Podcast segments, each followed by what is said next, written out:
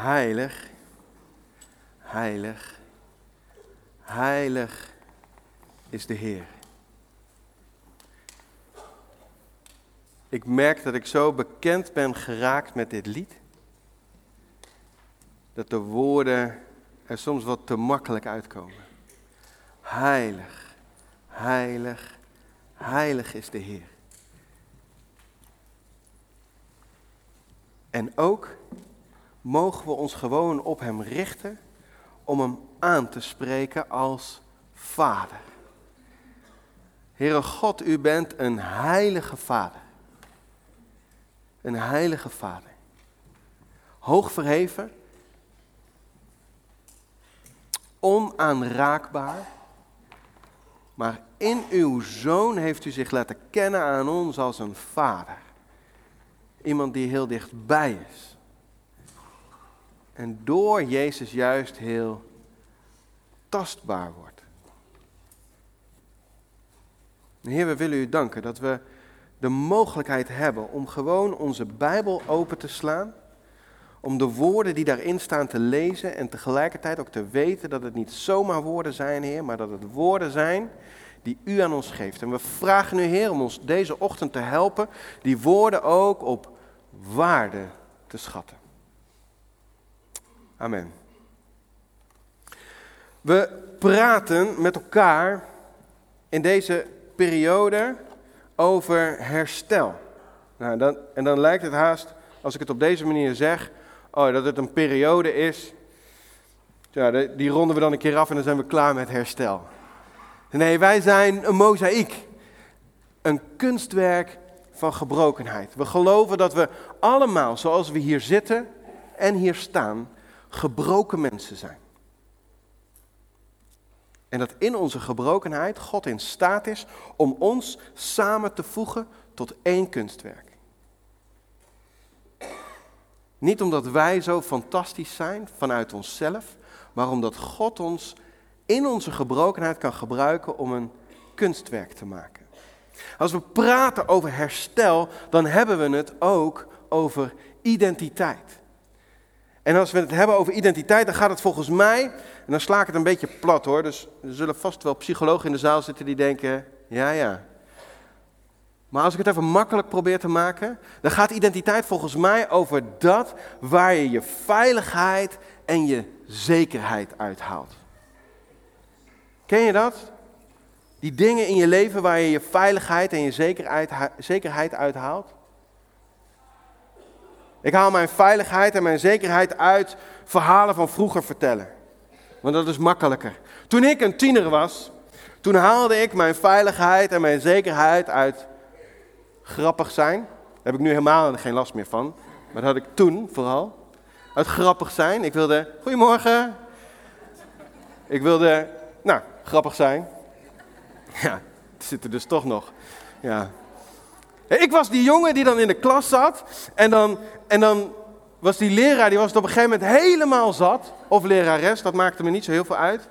Die was het dan helemaal zat en op een gegeven moment dan, dan zei hij, en nu is het klaar. En dan was ik die jongen die dan toch nog die opmerking maakte, waardoor de rest van de klas weer aan het lachen was.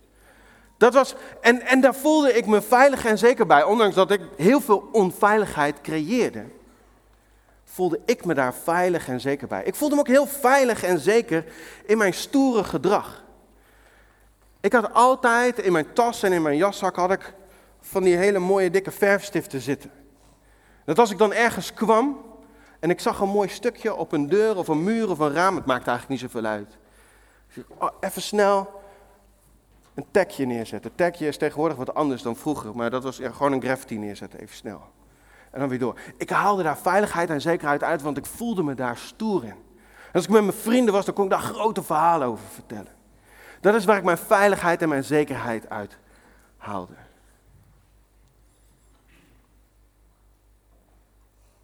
Misschien herken je ook wel dat, je, dat er onderdelen zijn in je leven waar je veiligheid en zekerheid uit haalt. Maar zijn er bij jou andere dingen?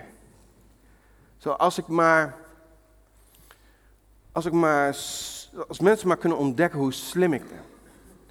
Dat ik mooie cijfers haal, daar haal ik mijn veiligheid en mijn zekerheid uit. Als ik, als ik mijn lijst, mijn cijferlijst zie en alles is een 8 of hoger, oh, dan voel ik me veilig, dan voel ik me zeker. Misschien voel je je veilig en zeker door een bepaald inkomen dat je hebt. En, en, en dat het boven een bepaald minimum zit, waarvan je denkt, oh ja, maar doordat ik dat heb, voel ik me veilig, voel ik me zeker. Misschien voel je je juist wel heel veilig en zeker in je onzichtbaarheid. Laat mij maar in een hoekje zitten. Als ik daar zit, dan voel ik me veilig en zeker. En als we niet oppassen, dan zou dat zomaar eens onze identiteit kunnen worden. Nee, ja, ik, ik, ik ben de onzichtbare jongen. Ik ben een stoere, ik ben een stoere kerel. Ik ben het grappige meisje. Dan zouden dat zomaar de onderdelen kunnen zijn die, die onze identiteit vormen. Daar waar we onze veiligheid en waar we onze zekerheid uit halen. In het geestelijke herkennen we hem misschien ook wel. In onze relatie tot God. Dat we onze veiligheid en onze zekerheid halen uit zo heilig mogelijk leven.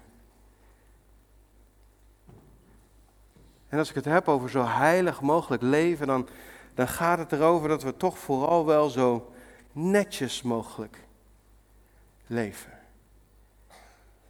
En ik moet je eerlijk zeggen, soms zit daar voor mij een stukje van mijn identiteit. En dan gaat het misschien nog niet eens zozeer over netjes, maar wel dat ik de juiste dingen doe op de juiste momenten. Ik kan mij onzeker en onveilig voelen op het moment dat ik het gevoel heb dat ik niet genoeg bid. Ik kan mij onveilig en onzeker voelen als ik het even niet voel als we staan te aanbidden. Vanochtend voelde ik me veilig en zeker omdat ik het wel voelde. Oh yes. Met z'n allen aan het zingen en ik hoorde iedereen. Maar er zijn momenten dat ik het niet voel en dan voel ik me onveilig en onzeker. En dat zou zomaar eens een aanwijzing kunnen zijn dat ik identiteit aan het halen ben uit hoe ik me voel. En dat ik mijn identiteit aan het halen ben uit, ben ik voor God wel heilig genoeg? Herken je iets van wat ik deel?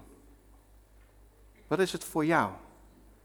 Waar probeer, waar probeer jij je veiligheid en je zekerheid te vinden? Ben ik wel heilig genoeg? Ik wil vanochtend iets met jullie delen vanuit de Efezebrief. We lezen Efeze 1. En als je een Bijbel bij je hebt, zo'n ouderwetse papieren, dan raad ik je aan er even iets tussen te doen, want er zijn een aantal teksten die we daaruit zullen gaan lezen. En de eerste die we lezen is e- Efeze 1 vanaf vers 4. In Christus immers heeft God, voordat de wereld gegrondvest werd, voordat de wereld gemaakt werd, ons vol liefde uitgekozen om voor Hem heilig en zuiver te zijn. Misschien komt hij hier wel vandaan.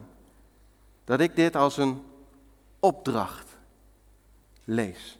Dat Hij ons heeft uitgekozen om voor Hem heilig en zuiver te zijn.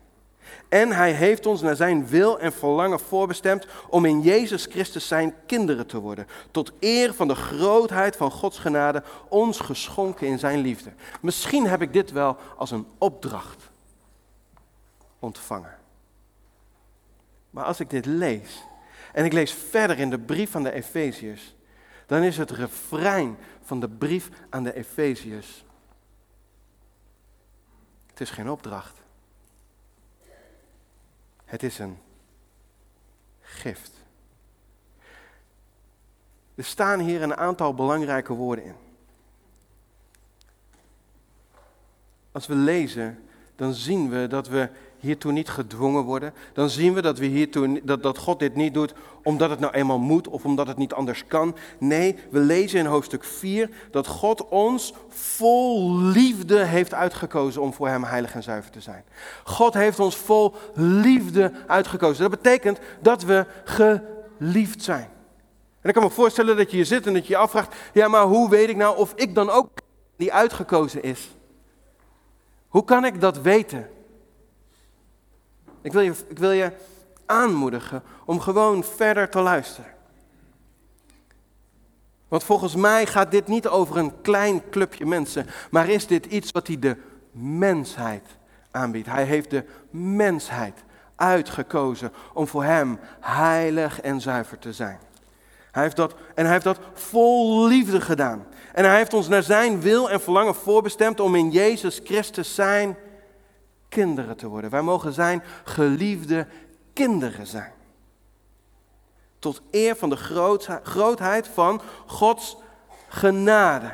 Is het een opdracht? Nee, het is ons geschonken in zijn geliefde zoon.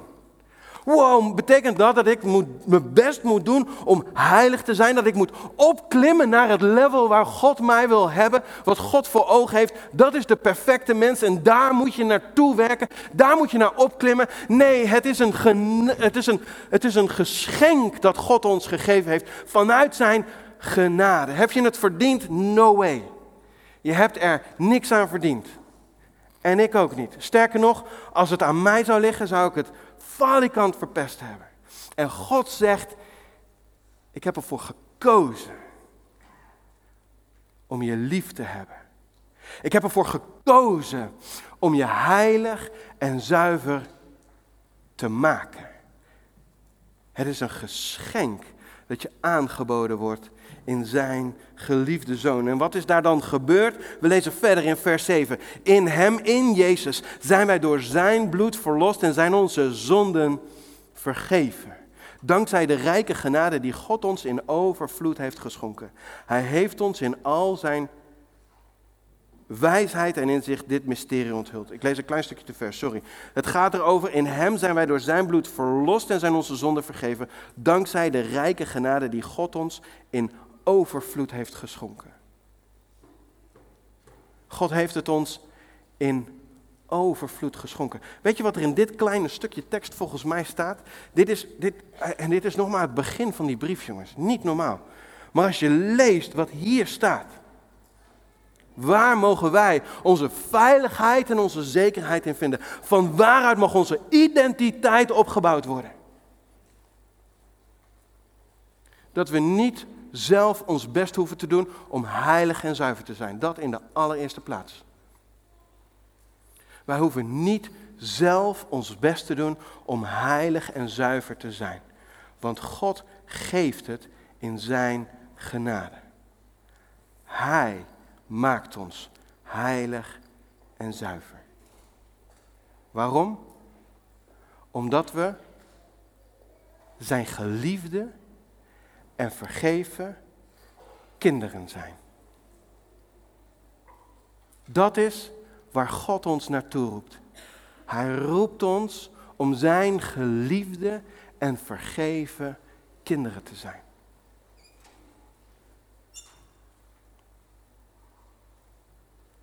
Paulus die schrijft deze brief aan de mensen die wonen in Efeze. Hij kent ze goed, hij heeft drie jaar bij ze gewoond. En op die plek heeft hij de meest bijzondere dingen van zijn leven meegemaakt.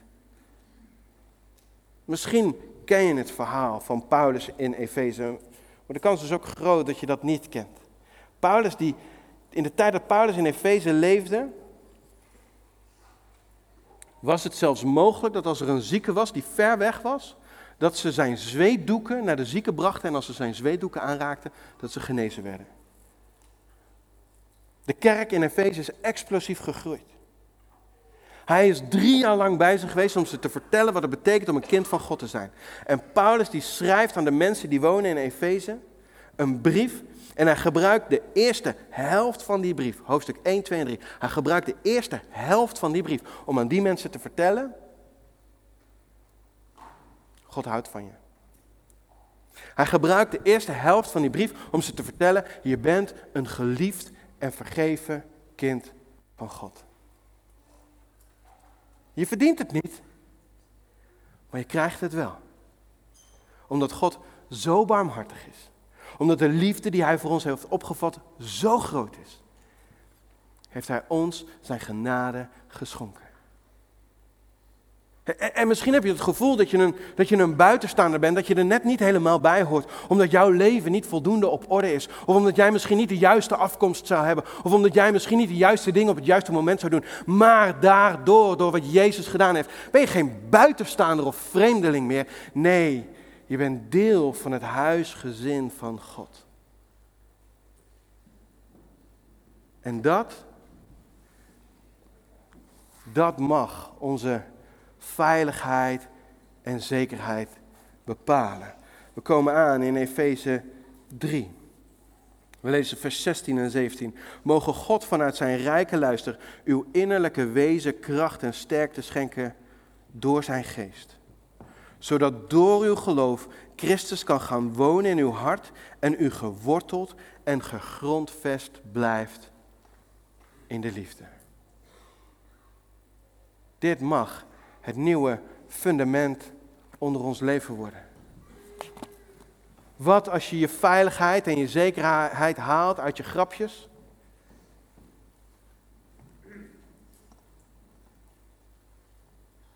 Ik kan me nog herinneren dat ik met Compassion op reis was naar Haiti. En Arjen ten Brinke was daarbij. En we waren, wij spreken dezelfde taal wat dat betreft. Hij houdt ook heel erg van grapjes. En we waren al twee dagen samen onderweg en de grappen, die kan ik hier niet herhalen. Sorry. Ja, nee, dat is gewoon als je onder elkaar bent, weet je wel. En op een gegeven moment maakte ik een grap. En eerlijk, eerlijk, dat was er eentje, die hoort niet. Die ging, die ging net iets te ver. En Arjen die kijkt me aan en die zegt, die kun je echt niet maken. En hij loopt weg. Wow, over veiligheid en zekerheid gesproken. Ik, oh, ik, ik had het gevoel dat de grond even onder mijn voeten weg was. Oeh, ik ben te ver gegaan. Oeh. Wow. Wat als je je veiligheid en je zekerheid haalt uit je grappen? Je kan te ver gaan. De grond kan onder je voeten wegzakken. Wat als je je veiligheid en je zekerheid haalt uit onzichtbaar zijn? Dan kan het gebeuren dat je in een groep bent en dat iemand zegt: En wat vind jij er eigenlijk van?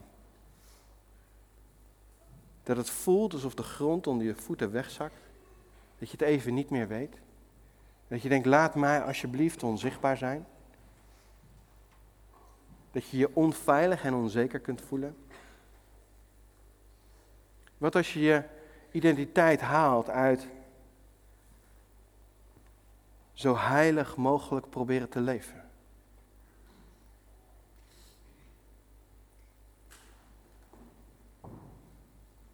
En je stapt in de valkuil die je zo goed kent. Hij had God zelfs al een paar keer beloofd dat dat nooit meer zou gebeuren. Heer, dit, dit was echt de laatste keer. Wat als je je veiligheid en je zekerheid haalt uit zo heilig mogelijk proberen te leven? Dan zakt de grond onder je voeten weg op het moment dat je de mist in gaat. Er gebeurt nog iets. Volgens mij gebeurt er nog iets. Dat is in ieder geval wel wat ik in mijn eigen leven herken. Dat God verandert van een liefdevolle vader in een strenge rechter. Dat God verandert van een liefdevolle vader in een strenge rechter. Als de grond onder mijn voeten is dat ik zo heilig mogelijk moet leven.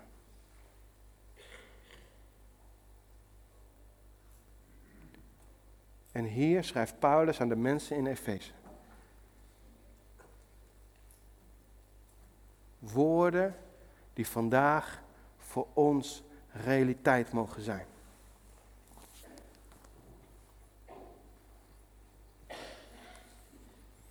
Mogen God vanuit zijn rijke luister je innerlijke wezen kracht en sterkte schenken. Dat God je er de kracht voor mag geven. Door zijn geest. Zodat door je geloof. Heer Jezus, ik geloof dat u voor mij gestorven bent. Zodat door je geloof Jezus kan gaan wonen in je hart. en je geworteld en gegrondvest blijft in de liefde. Dat het nieuwe grond onder je voeten mag worden. Niet ik moet zo heilig mogelijk zijn, maar ik mag weten, er is een Vader in de hemel die van me houdt. Daar mag ik mijn identiteit in halen. Hoeveel van onze gebrokenheid komt voort uit het gevoel tekort te schieten naar God toe? Hoeveel van onze gebrokenheid komt voort vanuit de gedachte: ik heb het niet goed gedaan? Hoeveel momenten zijn er in ons leven geweest waarin we gedacht hebben: ik kan nu even niet bidden? Want wat ik nu heb gedaan, daarmee kan ik niet voor de troon van God verschijnen. Nee, we, lieve mensen, we mogen geworteld en gegrondvest zijn in de liefde. We mogen weten dat wat er ook gebeurd is, hoe vers het ook is, hoe vaak je het nog gaat doen, dat we bij God de troonzaal binnen mogen lopen. En dat we een vader mogen zien die zegt, daar ben je, mijn geliefde en vergeven kind. Wauw, ik hou zo ontzettend veel van jou. Ja, maar Heer, dat wat er net gebeurd is. Ik hou niet alleen van je, maar je bent ook vergeven. Ik hou niet alleen van je, je bent niet alleen vergeven, maar ik ben degene die jou heilig heeft gemaakt. Lieve schat, jij maakt jou niet heilig. Jij maakt jou niet heilig. Onze Vader in de hemel. Door het werk van Jezus Christus. Onder de kracht van de Heilige Geest. Maakt jou heilig. Onze heiligheid zit niet in netjes leven. Maar onze heiligheid zit in de status die we hebben als kind van God.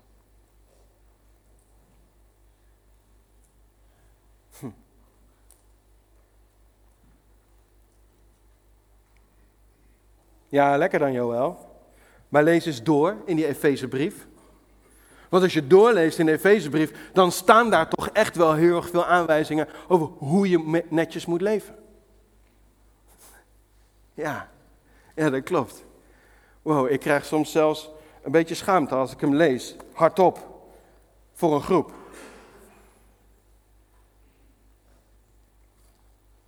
Maar het is goed om te weten dat Paulus deze brief niet voor niets in twee delen geschreven heeft. Hoofdstuk 1 tot en met 3 gebruikt hij om een fundament te leggen. Daar waar we geworteld en gegrondvest in mogen zijn. De liefde van God de Vader. Je bent een geliefd en vergeven kind van God. Dat is het fundament van ons leven. En hoe lang je ook christen bent, je moet dit iedere keer opnieuw horen.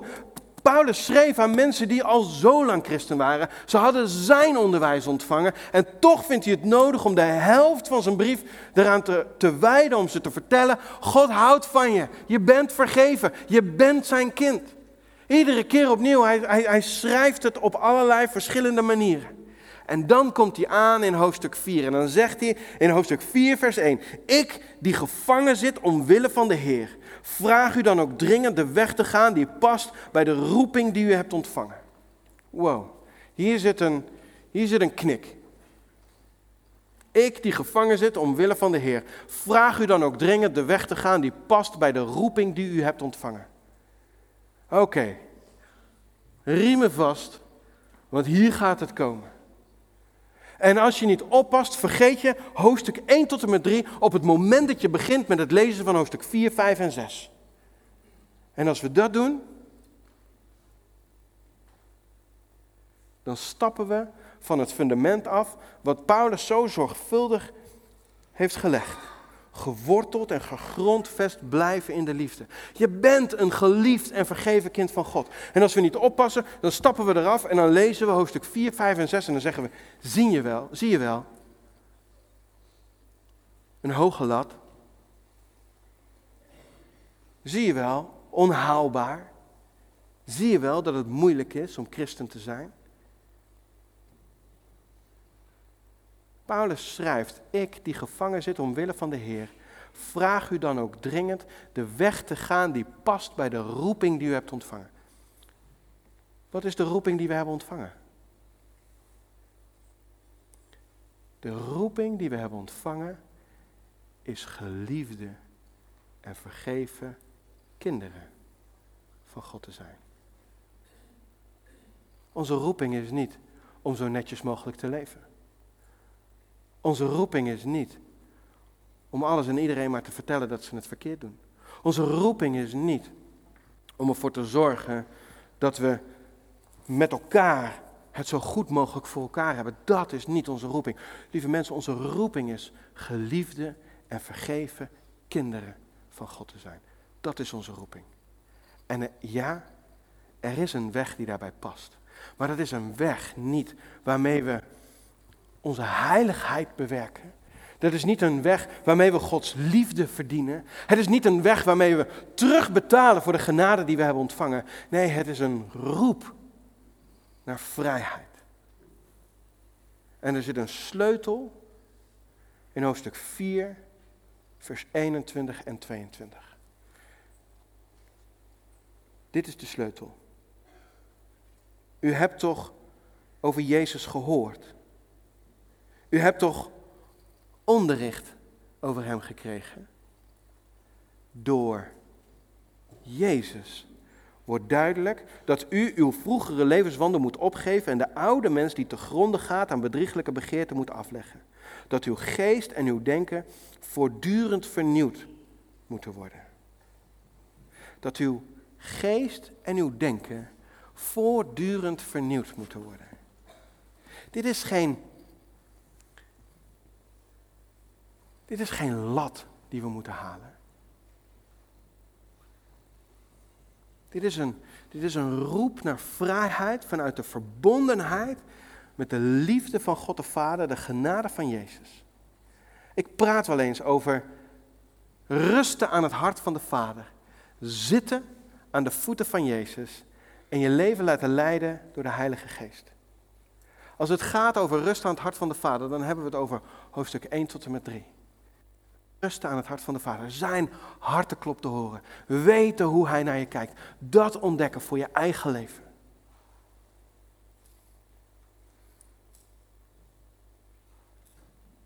En als we hoofdstuk 4 en 5 lezen, en een stukje van hoofdstuk 6, dan is dat zitten aan de voeten van Jezus in zijn genadevolle ogen kijken. En onderwijs van hem ontvangen. Heer, wat betekent het om in vrijheid te leven? Nou, in vrijheid leven betekent, je hoeft niet meer te liegen. Je hoeft niet meer te liegen. Want je hoeft niks verborgen te houden. Nee, in plaats daarvan mag je woorden spreken van waarheid. Je hoeft niet te schelden. Je hoeft niet te vloeken, je hoeft geen stoere taal te gebruiken. Omdat je daarmee het gevoel krijgt dat je beter bent dan de rest. Nee, in plaats daarvan mag je bemoedigende woorden spreken die anderen omhoog halen. Je hoeft niet meer te stelen. Omdat je mag leven vanuit dat wat God je geeft. In plaats daarvan mag je vrijgevig zijn. Het is niet nodig om dronken te worden. Nee, in plaats daarvan richt je erop om vervuld te worden met de Heilige Geest. Het is een uitnodiging naar vrijheid toe. Vanuit de liefde en de vergeving die God al voor je heeft. En moeten we daarom naar elkaar toe gaan en moeten we zeggen: Oh, dat doe je niet goed en dat doe je niet goed en dat doe je niet goed. Ik denk dat we, mogen, dat we ons vast mogen houden aan de woorden die hier staan in hoofdstuk 4, vers 21. Door Jezus wordt duidelijk dat, onze, dat ons denken en onze geest voortdurend vernieuwd mogen worden. Het gaat er niet om dat we een meetlat halen. En laat het ook een bevrijdende gedachte zijn dat er geen tijdpad is Het is niet zo dat je drie maanden de tijd krijgt en dat het dan geregeld moet zijn. Nee, het is een uitnodiging in vrijheid waarin je samen met Jezus mag gaan groeien. En ook belangrijk, weet dat er geen finishlijn is. Er is geen moment waarop we kunnen zeggen, oh ja, mijn geest en mijn denken, ja, vernieuwd, klaar. Nee, ons geest en ons denken mag voortdurend vernieuwd worden.